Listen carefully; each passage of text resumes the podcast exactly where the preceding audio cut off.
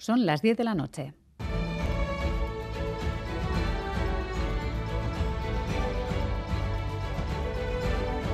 Radio Euskadi.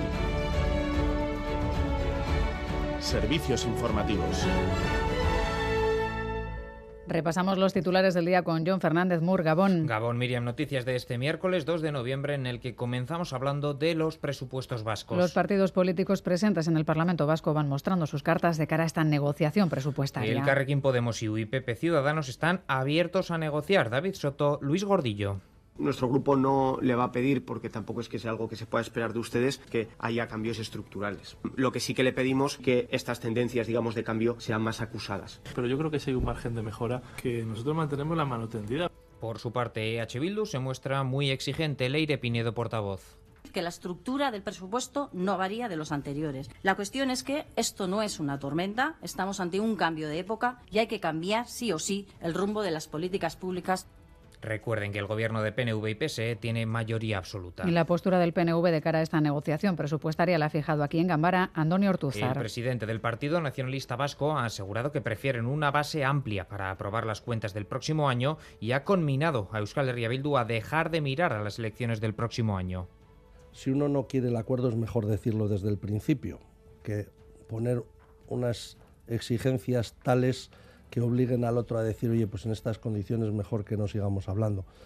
Yo creo que Bildu el año pasado debiera mirarse en el espejo de su actitud del año pasado.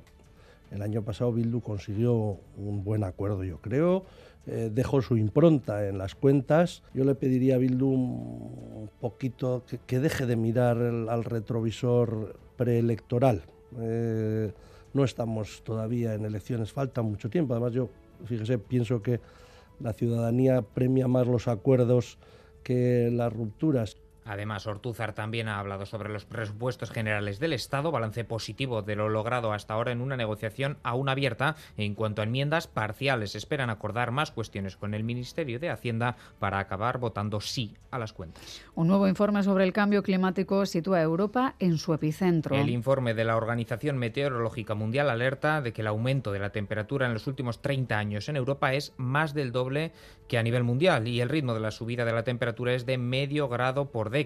Como resultado, los glaciares alpinos han perdido 30 metros de espesor en 10 años. En casa, último día de la huelga del sector del metal en Vizcaya por ahora. Sí, porque los sindicatos amenazan con más huelgas. Escuchamos a los representantes de ELA, Comisiones UGT y LAB. Si FEBEM no pone contenidos reales en la mesa negociadora, desde ELA tenemos clarísimo que tendríamos que ir a más días de huelga. Vamos a seguir eh, vaciando empresas y yendo a las calles lo que haga falta. Para que si se mueven estos parámetros y con estas variables será mucho más fácil el, el acuerdo. Si no, volveremos a salir a las, a las calles. No responde de manera afirmativa a esta nueva tanda de huelgas, el conflicto se va a recrudecer. La de hoy ha sido la tercera jornada de una huelga cuyo seguimiento cifran en un 85% los sindicatos y en un 26% la patrona.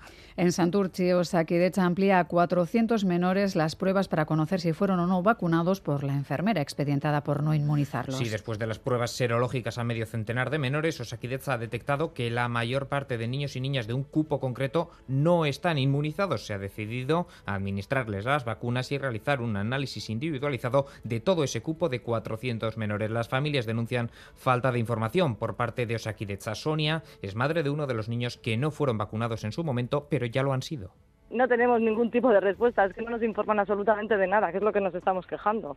No nos dieron ni, ni ninguna explicación cuando nos citaron para hacer un análisis, no nos han dado ninguna explicación cuando nos han citado para vacunar. Eh, no nos están dando ningún tipo de explicación. Lo que sabemos es por los medios.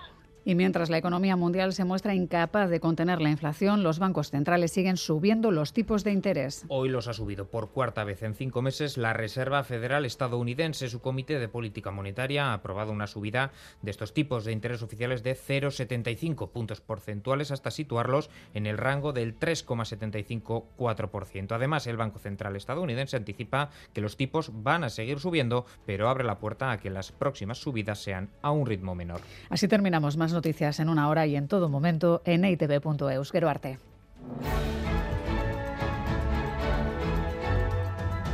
EITV, tu grupo de comunicación.